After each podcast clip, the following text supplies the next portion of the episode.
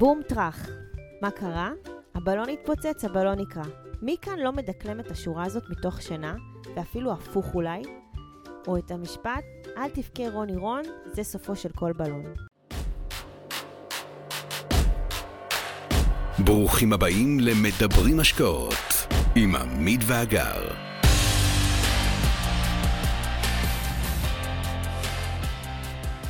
היי hey, חברים, פרק ב', והיום נדבר על ספרה הקלאסי של מרים רוט, מעשה בחמישה בלונים. בספרה מתארת המחברת סיטואציית ילדות מחויכת של חלוקת בלונים לקבוצה של ילדים. לאן אנחנו לקחנו את זה? הבלונים יכולים לייצג חלומות גדולים או שמחה פשוטה של ילדים. והסוף שפוגש כל אחד מהבלונים בעקבות המהלכים שנקטו הילדים. זה למעשה המפגש עם הדברים שקורים בחיים עצמם, כמו לדוגמה בלון שבסוף התפוצץ, או אף ממש גבוה לשמיים. או, oh, יופי. אני מציע קריאה אפשרית נוספת של הסיפור היפה הזה כקריאה כלכלית דרך משקפיים פיננסיים. העלילה והשיעורים הבאים ייראו כך. דרך אגב, זה מתאים לילדים ולהורים כאחד. שנתחיל? בטח. אז ככה, אימא של רותי חילקה מתנות לכל הילדים. ולפי ציטוט מהספר, שמחה וששון לכל ילד בלון. אבל איזה בלון לדעתכם היא חילקה? לדעתנו, כל בלון הוא למעשה בלון של הון. וואלה, אהבתי את זה. אז הילדים האלה יצאו לטיול, שמחים וטובי לב, משתפים אחד את השני בתוכניות שלהם, בנוגע לשימוש שהם יעשו עם בלוני ההון הצבעוניים שקיבלו. אוקיי, okay, אז יש לנו את אורי. אורי קיבל בלון הון ירוק ושמח מאוד. הוא רץ, קפץ וסיפר לחברים על כל הדברים הנהדרים שהוא מתכוון לקנות עם סכום הכסף שקיבל. אורי, צריך לציין, הוא צרכן נבון, הוא מתכנן, הוא מבצע סקר שוק לפני כל קנייה, הוא חושב טוב טוב בין מה צריך לבין מה שהוא רוצה, והוא לא מבזבז הכל בבת אחת. אבל בכל זאת, גם אורי נשבע בקסם הצריכה והקפיץ את, הב... את בלון ההון ממוצר אחד למוצר אחר. בלון ההון הלך והתכווץ מקפיצה לקפיצה, ולבסוף נחת על מוצר מפתה במיוחד ויקר במיוחד. הבלון נדקר והתפוצץ, וכל ההון שלו נגמר. רגע, אני רק אצטט מהספר, ובטח איתי יחד כל ההורים. בום טראח, מה קרה? הבלון התפוצץ, הבלון נקרע.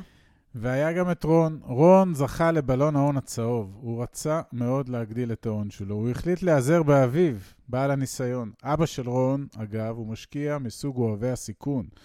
דגש קטן, הוא מתמחה רק בשוק המניות ונמנע מהרחבת הידע שלו לתחומי השקעות הרבים הקיימים. כתוצאה מכך, הוא נמנע גם מלגוון את סל ההשקעות שברשותו.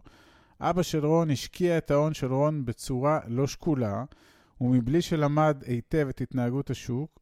בהתחלה בלון ההון הלך וגדל והתנפח מאוד בשוק ההון, עוד ועוד, והדבר הזה מאוד שימח גם את האב וגם את בנו, עד שהבורסה נפלה. ובלון ההון התפוצץ בום טראח. רון ביקש מאבא שלו לנפח את הבלון שיהיה גדול כמו השמש. כאן אנחנו מכניסים אנקדוטה מהמיתולוגיה. זה הזכיר לנו את המשל על איקרוס מהמיתולוגיה היוונית, שאבא שלו, דדלוס, האדריכל והיזם, בנה לשניהם זוג כנפיים. האבא ממש דאג להזהיר את הבן שלו שאם הוא יעוף גבוה מדי ויתקרב לשמש, היא עלולה להעמיס לו את הכנפיים. איקרוס הילד כל כך התלהב מהכנפיים שהוא שכח את האזהרה של אבא שלו. הוא עף גבוה, ואז השמש העמיסה לו את הכנפיים, הוא נפל ארצה ומת. עכשיו, מצד אחד, שאיפות גבוהות לדוגמה בהשקעות וחסכונות, יזמות ובכלל בכל תחום בחיים, הן מצוינות ומאפשרות לנו למצות את מלוא הפוטנציאל שלנו. ומצד שני, חשוב תמיד להיזהר ולא ללכת כעיוורים אחריהן, מבלי לראות את תמרורי האזהרה שבדרך. שורה תחתונה, צריך להוציא לפועל שאיפות ומטרות בחשיבה, שאלת שאלות והסתכלות רחבה. סיגלית שלנו קיבלה בלון הון סגול. בדומה לרון, גם סיגלית רצתה להגדיל את הבלון שברשותה, והחליטה להפקיד אותו בידי הנאמנות של חברת השקעות. אבל ציפיות לחוד ומציאות לחוד, החברה התגלתה כחברה פחות טובה, פחות מקצועית, ולא כגוף השקעות רציני ואמין. הבכירים שלה נעלמו יום אחד עם כספה של סיגלית, ובלון ההון שלה התפוצץ עוד לפני שהגיע לגודלו המרבי. בום, טראח. רותי אחזה חזק חזק בבלון ההון הכחול שקיבלה מאימה.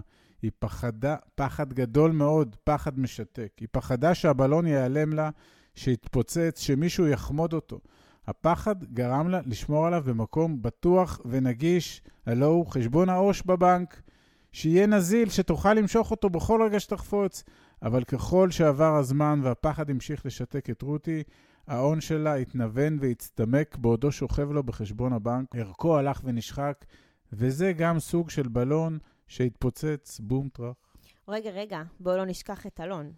אלון קיבל בלון הון אדום, והוא היה בעננים. הוא קרא, הוא חקר, למד את כל התחום של עולם ההשקעות. הוא הבין את הכיוונים המשתנים ואת העוצמות המשתנות. אלון טיפח את בלון ההון האדום שלו ואפשר לו להתאים את עצמו לעולם המשתנה. הבלון הלך וגדל, צמח ועף עד העננים. אז לסיכום, הקלאסיקה מעשה בחמישה בלונים היא משל על העולם הפיננסי והחיים עצמם, כמו שאנחנו הצגנו את זה פה. בעולם ההשקעות תמיד ישנן הצלחות וישנם גם לעתים כישלונות. כדי להגדיל את ההצלחות ולמזער את הכישלונות, צריך ללמוד את נישת ההשקעות שבה רוצים להשקיע. מומלץ להשקיע במספר מגזרים, לפזר בין עולמות ולנסות לבנות מודל של קורלציה או מתאם בעברית נמוכים ככל האפשר בין נישות ההשקעה שלכם. אבל הכי חשוב לפעול מתוך אסטרטגיה של השקעות שמתבוננות לטווח בינוני עד ארוך, לא לזגזג כל שנה או שנתיים עם הכספים שלנו בין טרנדים וגחמות. בנוסף, מה שעוד אפשר לראות בסיפור המקסים הזה, שהילדים מנחמים ותומכים אחד בשני. אפשר לקחת את הגישה הזו גם בתחום ההשקעות והחסכונות שלנו. סיוע מבחוץ, למידה, הצבת יעדים ומטרות, חשיבה קדימה, התייעצות עם משפחה, או אולי אפילו איתנו, עם עמית והגר, בקפיצה הראשונה למים בתחום ההשקעות. מבחינתנו, הכי חשוב שתהיו בעשייה, שתתחקרו, שתשאלו שאלות, והכי חשוב, תדאגו לעתיד הכלכלי על ידי יצירת מקורות הכנסה נוספים פרט למשכורות. בהצלחה חברים. זהו להיום, פרק ב', תודה על ההקשבה. בהערות של הפודקאסט מחכה לכם אי-בוק עם משחקים לילדים כחלק מתהליך של חינוך פיננסי והנגשת הידע. בהצלחה. נשמח אם תוכלו לשתף עם אחרים, לתת לנו משוב, ומוזמנים לאתר שלנו לקבל העשרה וידע בנושא.